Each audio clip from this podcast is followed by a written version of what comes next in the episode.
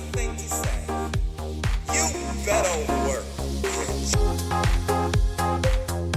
Varför har du såna byxor?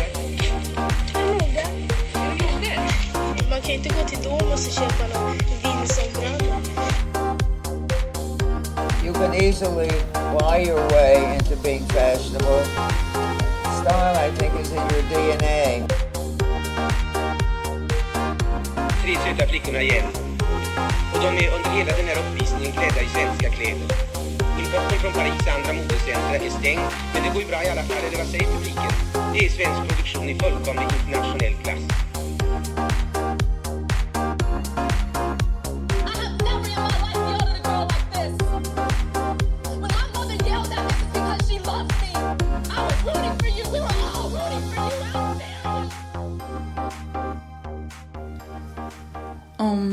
1950 och 60-talen var konfektionsindustrins guldår så blev nästa decennium krisens år.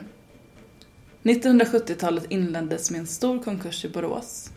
320 personer fick gå från Magni.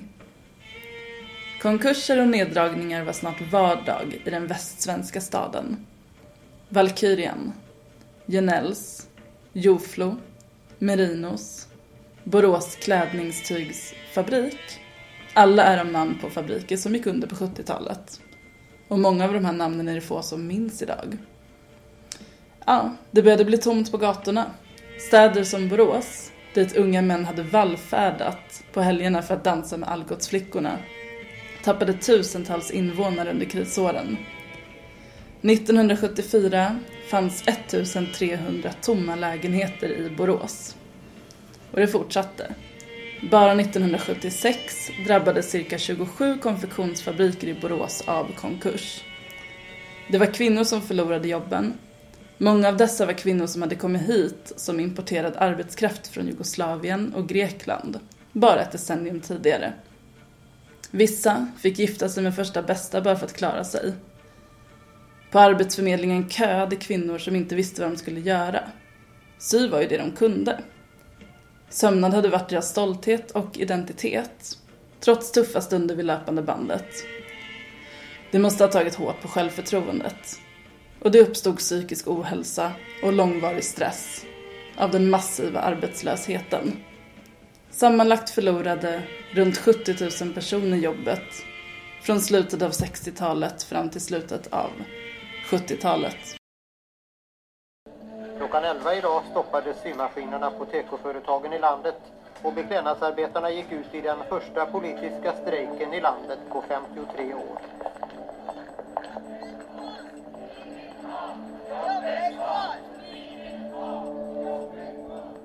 Ja, var tredje beklädnadsarbetare har blivit arbetslös. 16 000 beklädnadsarbetare har mist sina jobb. Idag har vi en högre arbetslöshet än vi någonsin tidigare. Det är med sorg i hjärtat vi beklädnadsarbetare samlas här idag. Men sorgen blandas med en helig ilska. Konkurserna diskuterades flitigt av politiker, arbetsgivare och facket. En lösning ansågs vara att förstatliga konfektionen. Under slutet av 1970-talet var svenska staten storägare av konfektionen med Algots och Iser som det största. Men även Borås väveri och Almedals. Samma taktik av förstatligande används i järn och stålindustrin. Man ville rädda arbetstillfällen och det fanns också beredskapsmässiga skäl. Här var sossarna och borgerliga partier överens. Något som uppmärksammades mycket var att staten gick in med 70 miljoner för att Algots skulle kunna etablera nya fabriker i Västerbotten, Skellefteå, Lycksele och Norrsjö. Mitt under rådande kris för att lösa arbetslösheten i Norrland. Detta inför valet. Siffrorna var något annorlunda inom mansdominerade industrier. Som en jämförelse fick varvsindustrin 20 miljarder i stöd under samma tid och det hade färre anställda. LKAB fick 6 miljarder i statligt stöd. Fabrikerna i Västerbotten blev dock aldrig lönsamma och blev nedläggningshotade nästan direkt. Försök gjordes av personalen att ta över fabrikerna, så kallade kooperativ eller löntagarägd verksamhet. I Västerbotten fanns långtgående planer för detta.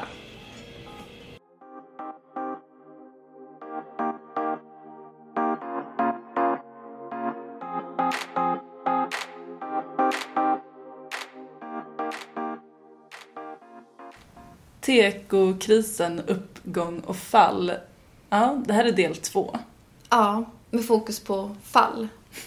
Som ni hörde nu i inledningen. Och eh, den här kooperativa verksamheten som, som vi nämnde som man försökte starta då i Västerbotten. Den gick ju inte så himla bra. Nej, eh, för som vi läste upp så fick ju då, och det var första gången alltså på den tiden som staten gick in i ett privat bolag. Och i det här fallet då Al Algot och Algot Jonsson. Och det var ju väldigt uppmärksammat i medierna på den här, på den här tiden att Algots fick 70 miljoner. Precis, och eh, det var ju också snart riksdagsval. Och eh, det fanns hög arbetslöshet och en stor opinion för detta. Det som inte fanns, det var ju en vana vid att bedriva konfektionsfabrik. Så de som man anställde där, det var ju främst då kvinnor som, som var arbetslösa i Västerbotten. Man fick lära upp dem. Så det var en liten startsträcka. Ja, det kändes ju inte så himla effektivt med tanke på att det fanns väldigt kunniga personer i Borås. Som kanske hade förlorat jobbet också. Ja, och det drabbades ju också många människor som hade kommit då exempelvis från Grekland, kanske med en hel familj där även pappan och mamman arbetade eh, och nu förlorat jobbet. Eftersom att man var lite mer ovan vid den här industrin i Västerbotten jämfört med ja, men Borås till exempel. Så hade man lite andra krav också. Så att arbetena var inte alls lika medgörliga som man var i Västsverige där man typ hade vuxit upp vid ett löpande band.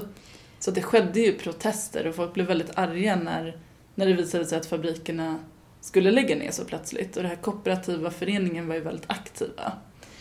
Ja, ehm, de kallades ju för Vi ett kooperativ, eller det kunde stå det i alla fall på flygblad och så vidare. Det bestod ju främst av eh, mycket unga personer som bedrev det här. Eh, Vi har sett lite filmklipp på ett, en del av det här gänget och vi skrattade lite för de är ju liksom klädda som när man typ går på maskerad och ska klä sig som en 70-tals hippie. Ja, och eh, för det finns då, för vi har ju då sett den här dokumentären eh, Made in Sweden, eh, textilindustrin som försvann och ja, man skrattar lite när man så, för de sjunger då en låt i, det här, i den här dokumentären och de ser ju väldigt glada ut. Ska vi ta och lyssna på den sången? Jag tycker vi gör det.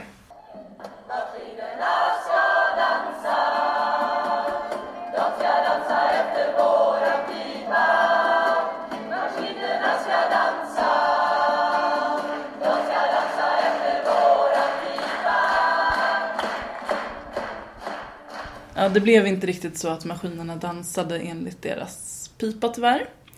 Nej, den här satsningen gick ju inte riktigt som tänkt. Men det sorgliga i det här är ju att det var ju faktiskt många kvinnor och det här kooperativa som ville ta över fabriken och driva, fortsätta driva det här. Men de hade ju inte tillräckligt ekonomi och det var ingenting som staten heller ville satsa i. Nej, för de hade ju satsat lite grann och som vi nämnde var det av skäl bland annat då. Helt enkelt att om det typ blir krig eller om man inte har möjlighet att eh, importera från andra länder på grund av någon kris så måste man ha egen produktion för militär sjukvård och så vidare. Eh, men de beredskapsskälen verkade man kanske glömma lite då. Men det var ju andra, andra industrier som vi också nämnde då, varvsindustrin, stålindustrin, som ändå verkligen stöttades mycket, mycket mer av staten. Eh, verkligen och eh, visst, det kanske var dyrare att driva de här textilfabrikerna så att det var dyrare att köpa konfektion från dem. Men det bidrar också till väldigt mycket mer arbete om man jämför med eh, varvsindustrin och eh, stålindustrin. Men det kanske var, någonstans så läste ju vi att det fanns någon typ av taktik från staten att vissa industrier var inte tillräckligt lönsamma och man arbetade för att de kanske inte skulle finnas kvar i Sverige. Man Precis. ville bara kvar det, bäst, det mest lönsamma. Ja, för att eh, politiken, eller staten ville ju också få upp konsumtionen vilket man märkte när man började importera billigare varor. Ja, för det tjänar ju också staten pengar på i form av moms. Importerade kläder. Trosa 8 kronor och 90 öre. Svenska kläder. Trosa 15 kronor. Importerade kläder. 3 kronor och 90 öre. Svensk strumpbyxa. Importerade. I det här klippet så hörde vi lite eh, prisjämförelse då vad det kunde kosta med svensktillverkat versus utlandstillverkat. Och det var ju en stor skillnad. Ja, konkursen var tydlig. Ja, men ju mer folk, folk ville ju såklart köpa det billigaste. Ju mer som lades ner så får vi också säga att det stod många tomma fabriksbyggnader runt om i Sverige. Och vissa revs ju. Ja, många revs, många står tomma och förfallna. Och många, vissa har blivit bostäder eller andra något forskningsinstitut. Eh, men det finns ju då många samhällen som byggdes upp endast på grund av textilindustrin. Och ett exempel är ett samhälle som heter Rydal som ligger utanför Borås och där man hade en stor textilfabrik och hela samhället där kretsade i stort sett kring den här fabriken. Så det fanns ju en väldigt stor stolthet där och det gör det än idag. Så där finns det ett jättefint lokalt historiskt museum som man kan besöka. Det heter Rydals museum, det är jätte, jättefint. Bra tips till i sommar. Verkligen.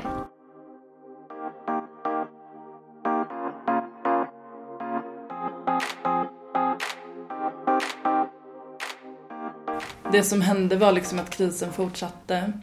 Under 80-talet så hankade sig konfektionsindustrin fram i en ja, liten skala.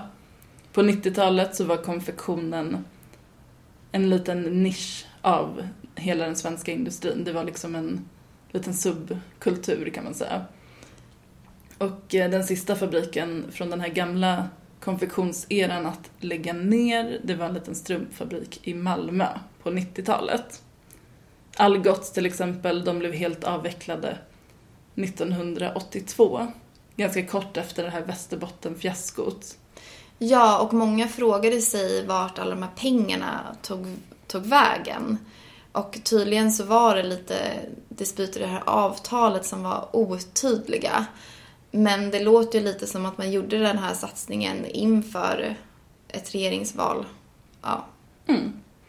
Man slängde pengarna i sjön. Eller i Norrland.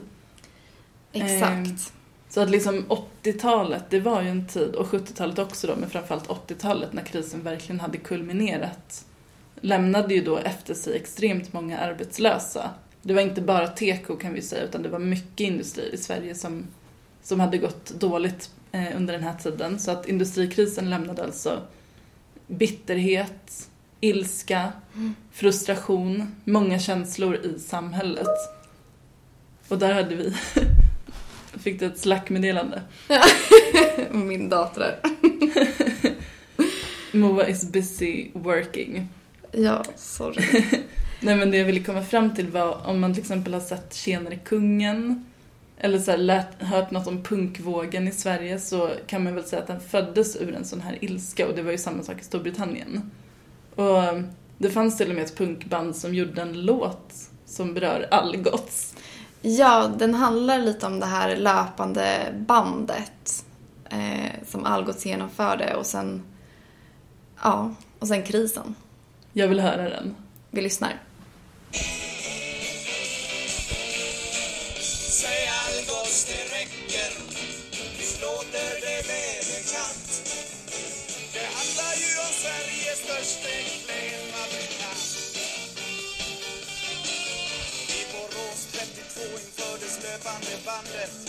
Det var Algots först med i detta landet. En tysk ledde projektet, som tack hette han. Han blev Algots dräng och uppsyningsman.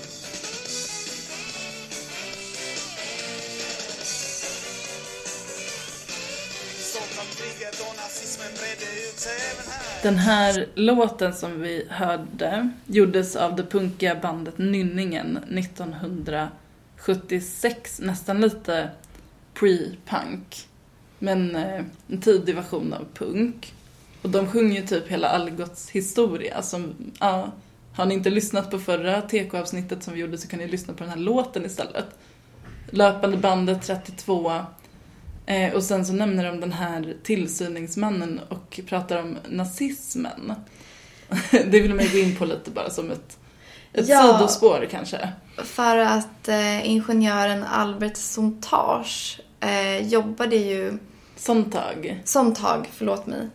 Eh, han var ju då nazist. Han var ledare inom den nazistiska rörelsen i Borås och eh, han blev inkallad i den tyska armén men sen så lockade Algotsem tillbaka honom och han, han var väl en av de som liksom ledde lite Så att han återvände från andra världskriget, från Hitlers Tyskland, tillbaka till Borås. Tillbaka till Borås, ja. Eh, man behövde ingenjören. Så Sontag drillade arbetarna och jag såg också att var han, han var med och byggde upp de här nya fabrikerna i Västerbotten som inte gick så bra. Så han höll igång länge, nazisten. Verkligen. Han hade ett spel med gamet, så att säga. Om man vill höra mer om just det här så hörde jag en hel del om det i P4-dokumentären om Algots. Finns det ett helt avsnitt i den serien om nazismen och Algots. En mörk historia, men ja, kanske lika mörk som konfektionsindustrins fall. Verkligen. Ehm, Men alltså när hela, egentligen en hel industri kraschar, vad händer då? Vem kunde producera kläder åt svenskarna? Ja, mycket flyttades ju till bland annat Portugal och Italien. Och Finland. Och Finland. För i Finland, och det var även, eh, Algots hade ju också en fabrik där lite som ett dotterbolag, kan säga fel, men det var Algots som ägde dem i alla fall. Eh, så man flyttade dit för att det var ju då billigare arbetskraft helt enkelt. Ja, det var som en filial, så Mm. jag antar att de ändå liksom, det kanske gynnade den svenska industrin fast att den låg i ett annat land. Exakt. Och eh, man gick ju över mer och mer till ja, men, egenägda fabriker i utlandet. Och Mm. eh, EU var ju bra från början då eftersom att man hade mycket frihandelsavtal inom Europa men snart så blev det också ganska smidigt att eh, anlita fabriker i Sydostasien, ja, men som Kina, Bangladesh, Mm. Pakistan, Taiwan och det blev ännu billigare då såklart. Precis. För ehm, det står också här att Algots ehm, under slutet av 60-talet så fick en sömmerska i Borås ungefär 11,25 kronor i timmen. Eh, Medan en lön i Portugal var 1,2 kronor i timmen. Ja, det är Det var ju ganska tio stor. gånger mindre. Ja, så det är stor skillnad. Och det är väl så här, Portugal är fortfarande billigt jämfört med Sverige men inte kan det vara tio gånger så. Nej, nu har vi, alltså det här är ju för länge sedan. Mm. Eh, Men på den tiden så var det så pass mycket billigare. Så ett problem för konfektionsindustrin i Sverige var helt enkelt att Sverige hade lite för bra ekonomi, Mm. för höga löner. Men det är det man också har sett i, för förut var ju mestadels produktionen alltså under 90-talet, tidigt eh, 2000-tal i Kina. Mm. Men när de då fick upp standarden och krävde högre löner, vilket inte ens är högre löner om man skulle jämföra med Nej. det här. Eh, och det var ju då man såg att eh, fler och fler, bland annat H&M började flytta till Bangladesh. Men där fick ju de ju också problem i början, många många märken just för att i Bangladesh har man ju lång historia och kunskap om textil men inte alls lika mycket som Kina. Mm. Så det blev ju också problem när man skulle börja etablera det. Och nu, alltså om vi pratar nu, nutid, så har man ju också vänt sig till afrikanska länder som Kenya och Etiopien. Så att vi får se liksom textilindustrin förflyttar sig hela tiden till där det är då billigast. Och eh, det är alltid, ett, ja, men, som du sa, ett problem att förflytta. Precis som det var att flytta till Västerbotten. Ehm, Men det man kan säga om arbetet som sker på fabriker idag, det är att det är typ likadant som det var i Borås liksom, på 30-talet. Alltså det är inte så stor skillnad, det är löpande bandet. Människor sitter och syr ett moment vid en symaskin i en stor sal. Men det jag tror blir... Alltså det som blir svårt för många att förstå som kanske inte har arbetat med textil eller kan sy, att man Eftersom att textilen idag den är så himla långt borta så det blir så himla abstrakt. Mm. Att jag tror många tror att de är gjorda av maskiner alltihopa. Jag vet, jättemånga tror ju att eh, det är typ att bara lägga in ett tyg i en maskin och så syr den en tröja. Ja, Men det behövs en människa, precis som när man syr hemma vid sin egen maskin. exakt. Man behöver vara en kunnig människa som syr sömmar och hanterar tyget med sina händer. Så det är ingenting man kan göra med hjälp av robotar. Eh, Den mänskliga handen är viktig inom klädproduktion. Men det som hände är ganska intressant om man ska kolla så här procent. Eh, om vi har lite siffror. Under 70-talet så minskade antalet anställda inom konfektion med 40 procent. Eh, 1968 så var 70 procent av sålda kläder i Sverige tillverkade i Sverige. Men den här krisen gick ju väldigt fort. 1976 så var det bara 30 procent av alla kläder som köptes i Sverige som också var tillverkade i Sverige. Så det var liksom ett enormt tapp av svensk produktion. Och 95 då när vi var små, då var 5 procent av svensk textil inhemskt producerad. Och idag, Ja, idag har vi gått in, gått ner till mindre än en procent.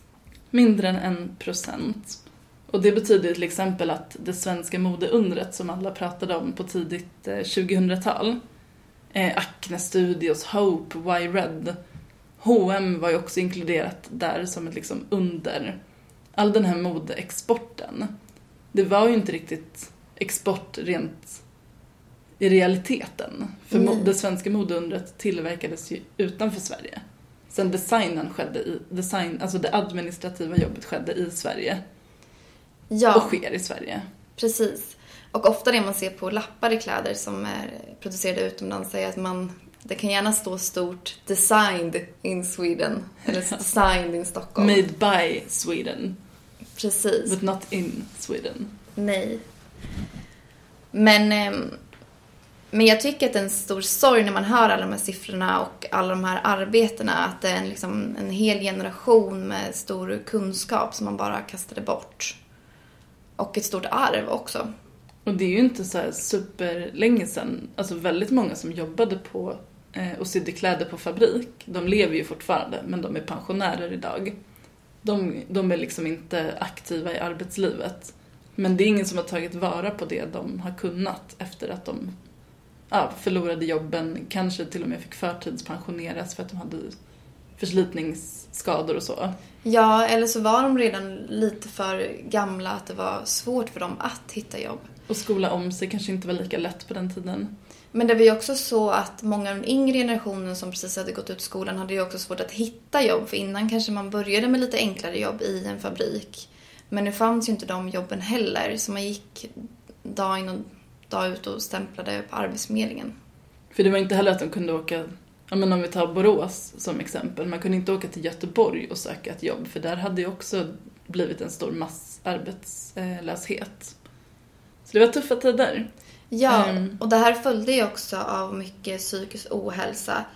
Dels att man under längre tid hade arbetat i ett arbete där det hela tiden fanns ovissheter. Skulle de ha jobben kvar? Skulle de bli uppsagda? Och sen helt plötsligt då sitta där och vara arbetslös. Är det det värsta där att känna att man inte behövs, tror du? För, för människor, inte bara för kvinnor? Då? Det är nog för alla människor. Även män, de som går arbetslösa. Jag tror också att de får den känslan att jag behövs inte. Det är det som är viktigt i arbetet. Ja, jag, jag tror det. Inte bara i arbetet utan överhuvudtaget. Man ska känna att man behövs. Någon behöver en. Men eh, det fanns ju ett svenskt märke som länge gick i bräschen för att ändå producera svenskt. Trots en industri som havererade och det var ju Mahjong. Precis, för det startades ju då av, det var två kvinnor, de alla studerade på Konstfack, eh, textillinje och de gick ut 1965. Och strax därefter så träffades de vid något tillfälle och de såg väl att de hade lite samma smak och samma stil och de startade det här märket Mahjong som eh, de stod lite också för eh, ungdomsmodet. Alltså de var väldigt framkant med att ha mycket färger och former och... Ja, alltså när man ser bilder på kläderna, det är så starka färger, det är sådana mönster, det är så 60-tals bonanza. Ja, det Jättesnyggt. är, det är så, så snyggt. Ehm, De var väl också typ politiska? Ja. Vänsterinriktade känns som. Exakt, det var de. Och eh, strax sen så var det bara Kristina Thorsson, en av designerna, kvar i Mahjong. Och, eh, och märket försvann, inte av konkurs, men det fanns inte så mycket lönsamhet. Och eh, de blev uppköpta. Och eh, Torsson har... Torsson? Kristina Torsson? har ett eh, drivet märke idag som heter Vamlingsbolaget. Så Mahjong finns alltså inte kvar, men hon fick tillbaka alla Mahjongs mönster helt gratis. Så många av de här eh, görs nu i nyproduktion och produceras i Gotland i Sverige. Så det är fortfarande svensk produktion. Fortfarande svensk produktion. Och eh, de stod väldigt starkt fast vid att de ska fort, att de ska vara, när alla flyttade till billigare länder så ja, valde de att stanna kvar.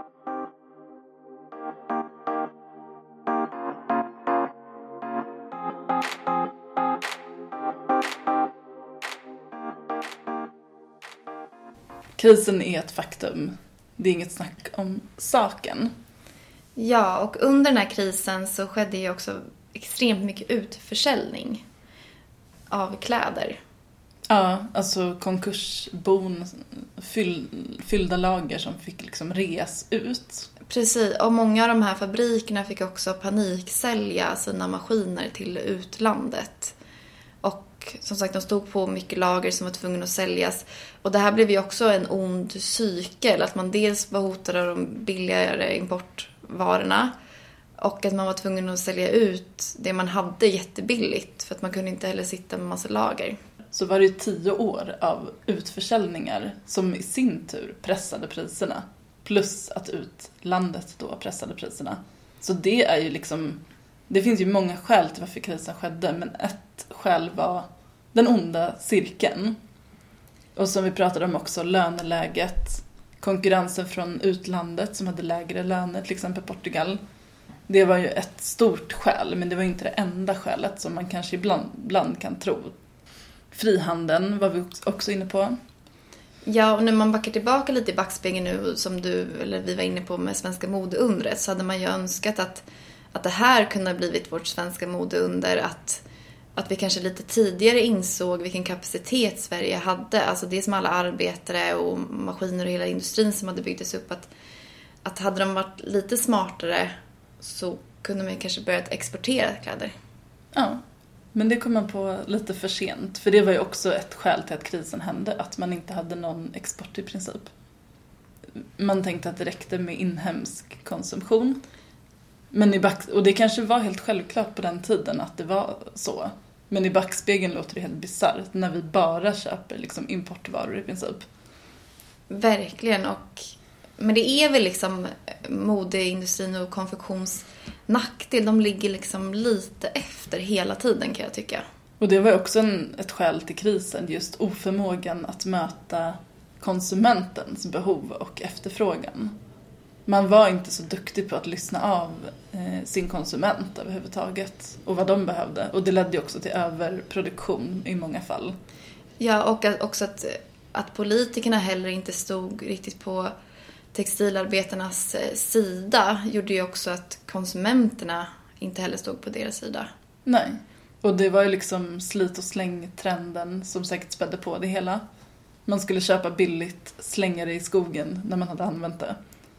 Eh, på 60-talet så slängde man helt sjuka saker. Alltså bilbatterier på backen.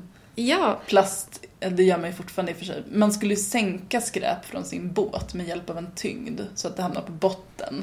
Jag vet att min eh, svärmor berättade att de åkte ut och gjorde så när de skulle panta saker.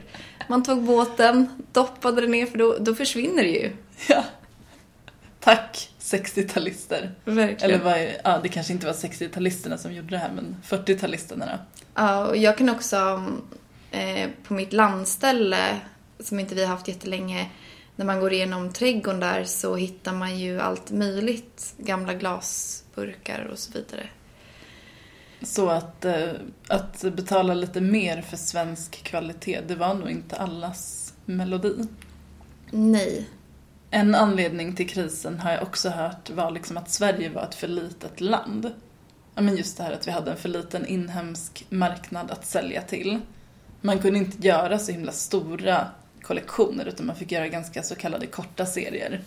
För att man visste inte hur mycket som skulle sälja medan till exempel Italien där det bor många fler hade ju fabrikerna möjlighet att ha mycket större kapacitet.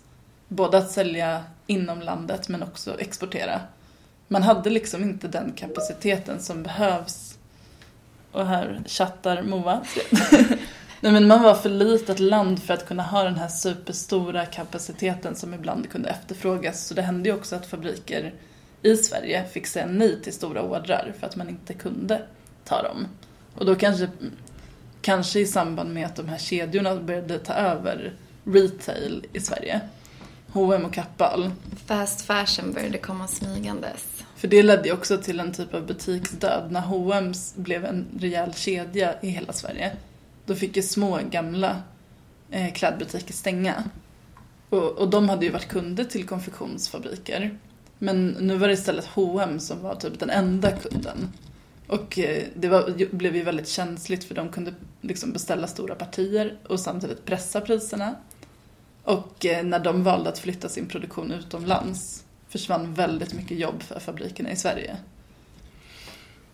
Och, men nu kan man ju snarare se ett, ett annat problem att eh, märken som kanske vill producera mindre kvantiteter, eh, alltså utomlands då, kan inte det för man är nästan tvungen att beställa stora batches. Och för många av de här kedjorna gör inte så mycket för att, eh, ja, säljs de inte så säljs de inte.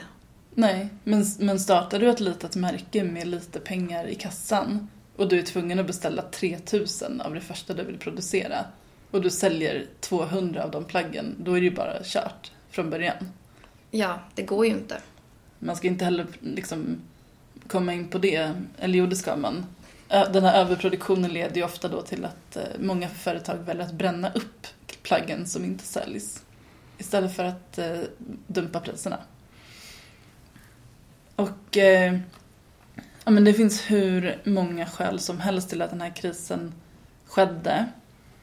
Men eh, sen var det ju verkligen som vi också var inne på att staten inte stöttade branschen och inte gjorde de här livsuppehållande åtgärderna som man faktiskt gjorde i andra branscher. Ja, det finns ganska många sådana industrier, eh, exempel i Sverige där man inte tagit vara på arvet. Glasindustrin är ju också en sån del. Och Mm. Jag tycker det är tråkigt, eller jag tycker man borde bevara det i mindre skala åtminstone just bara för att behålla kunskapen. Och om krisen kommer, vad gör vi då? Nej, det är jätteviktig kunskap och eh, samma tycker jag också till exempel med lumpfabriker. För när jag var liten så hälsade vi på en sån här museifabrik i Småland eh, som visade hur de gjorde då papper av gamla bomullsplagg som folk fick samla in sina gamla trasor. Och så fick man se hur man pressade ihop det och gjorde ett fint papper av det. Eh, hade inte den museifabriken funnits så hade vi inte haft den kunskapen alls längre. Men, men när det gäller att sy kläder, då har man liksom fått börja om på ruta ett ifall man vill starta en fabrik idag.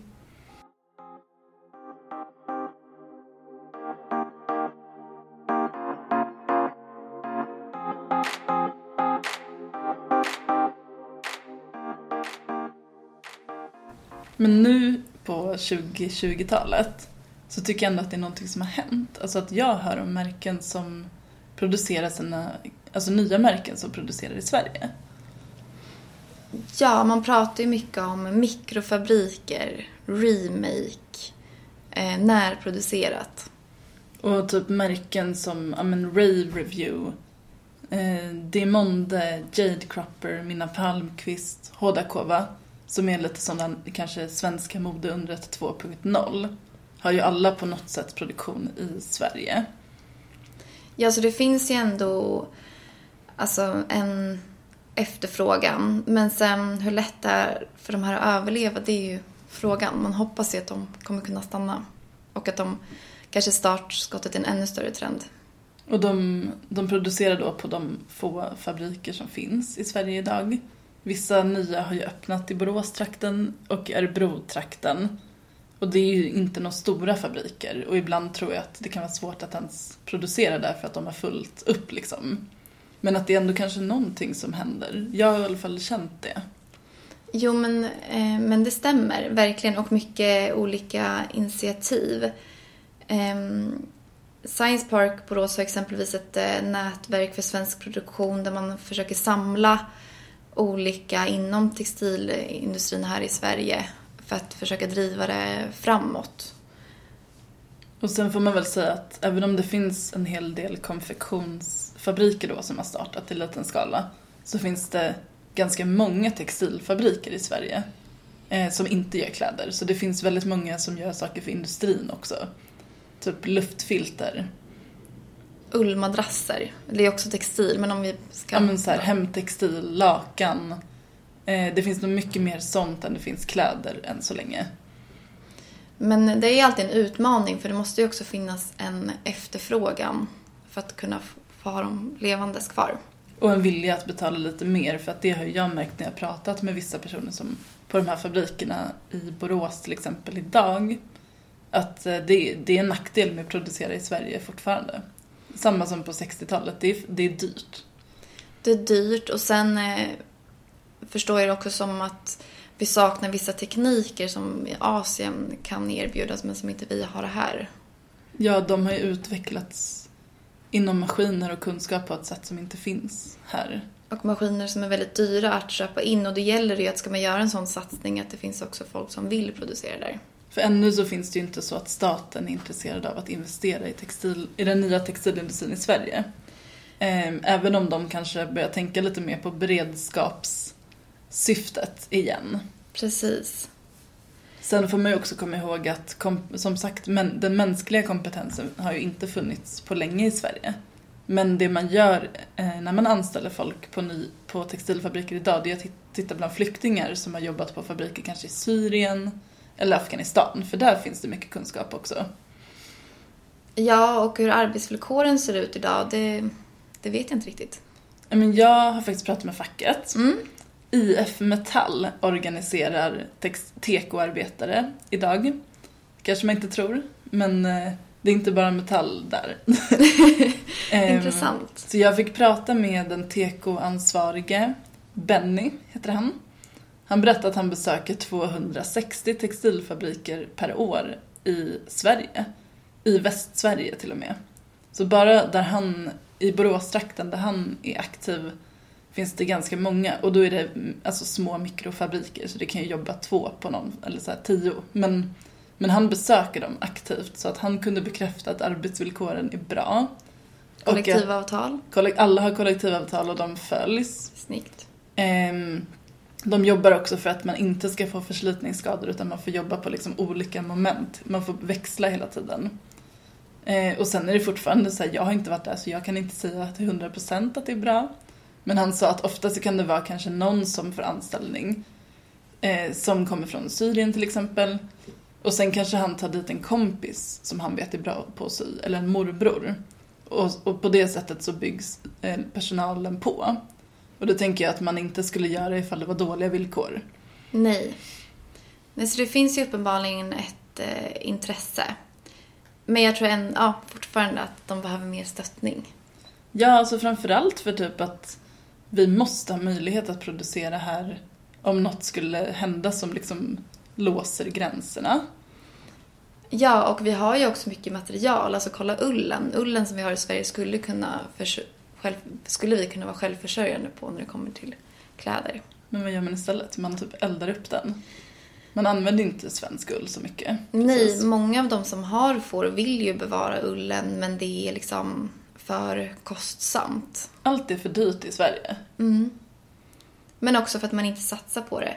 Och ett annat initiativ som jag läste lite om, men som heter Mistra Future Fashion, som eh, var forskning för systemskifte i modebranschen. Och de hade då ett initiativ där man vill liksom få ihop forskare med, ja, med andra personer i textilindustrin. Liksom för, att, för att designers och forskning ska samarbeta med för att få fram mer innovationer. Mm. Eh, Men det står ju som sagt inte jättemycket om dem för de fanns tyvärr bara mellan 2011 till 2019. Eh, det står att ett, ett, utifrån ett unikt systemperspektiv drevs tvärvetenskaplig forskning inom en konsort, kons, konsortium bestående av över 60 partners. Man kan ju gissa att det här handlade om ja, men innovation inom textil behövs ju verkligen. Till exempel nya material, det här med att growing. Att man kan på något sätt med någon typ av svamp eller vad det nu är väck, låta tyg växa sig till plagg. Ja, eller att de ska kunna vara eh, komposterbara. Man ska kunna äta upp sitt gamla plagg i princip. För att det är ändå många som, i Sverige som är intresserade och i världen och Europa som är intresserade av en mer hållbar textilbransch. Så man får väl hoppas att så här, det finns många kloka hjärnor som kan slå sina huvuden ihop och se till att det både blir mer hållbart och mer lönsamt. För det är ju inte hållbart att vi ska få kläder som har tillverkats i Bangladesh för en krona. Det är Mm. inte det. Nej, för Sverige vill ju stå liksom i framkant när det kommer till miljö och när vi satsar mycket på vår industri med green steel och eh, allt som byggs nu uppe i Norrland. Men vi kommer ju inte kunna rädda det här om inte vi ändrar vår konsument, konsumtionsbeteende. Och 10, varje 10 procent av den globala... Utsläppen ja, det är ju textilbranschen. Exakt. Så låt oss inte vänta. Nej.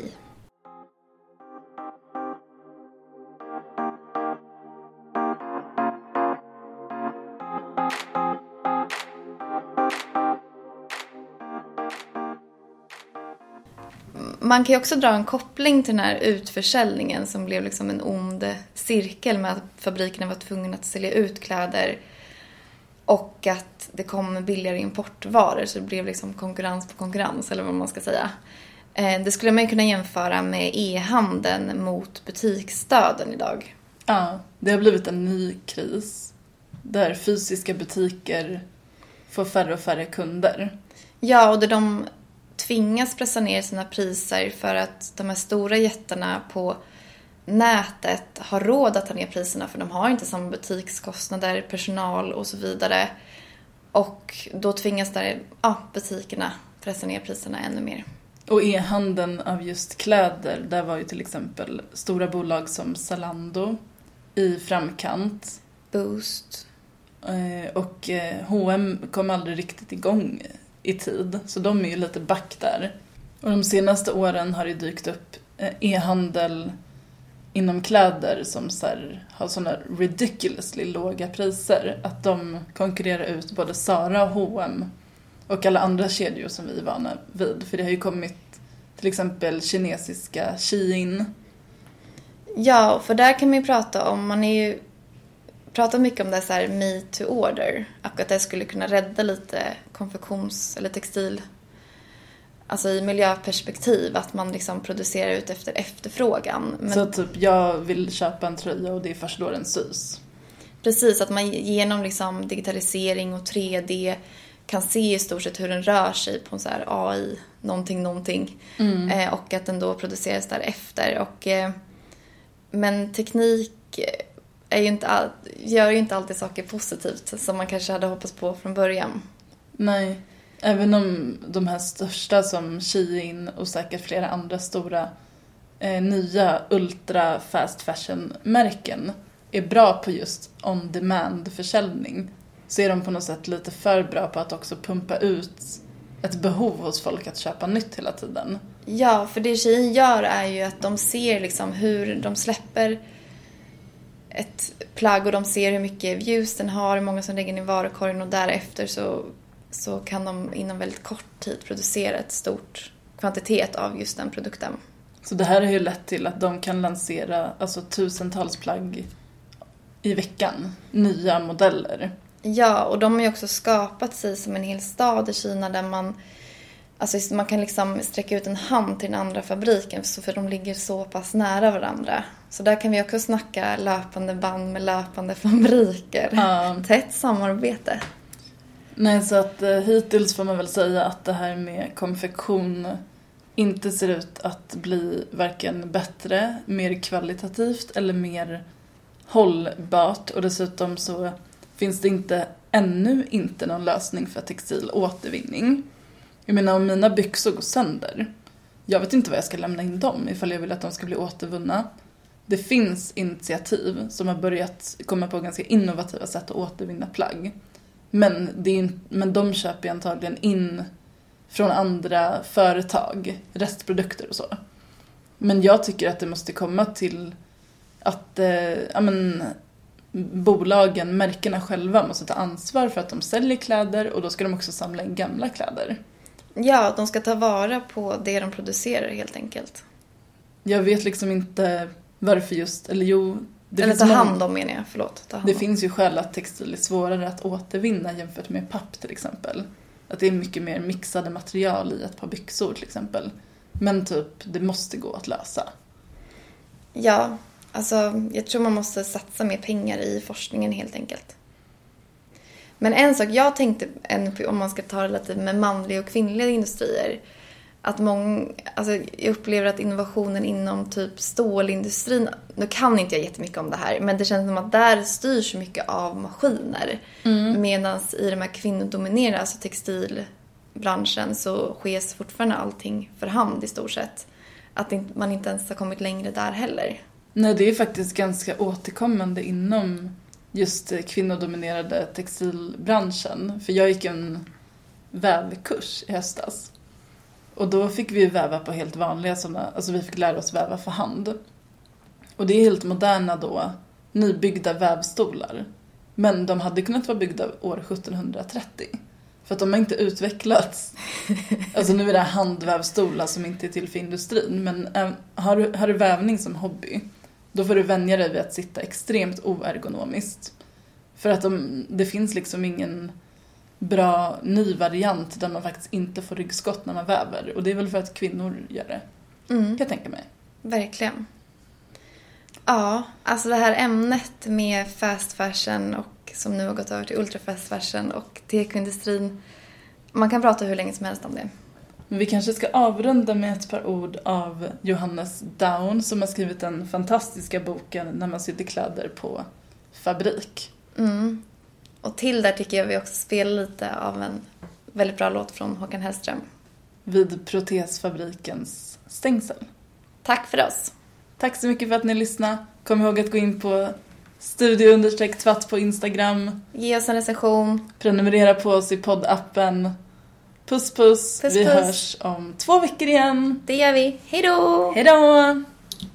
Det är Sverige, där man förr sydde kläder på fabrik, är idag ett land där man designar, säljer och köper kläder. Det som kommer bli 2000-talets konfektionsfabrikers historia äger istället rum i andra länder och världsdelar. Kanske kan dock dagens globala aktörer finna vägledning för framtiden genom att blicka bakåt på den rika sömnadsindustri som en gång fanns i landet.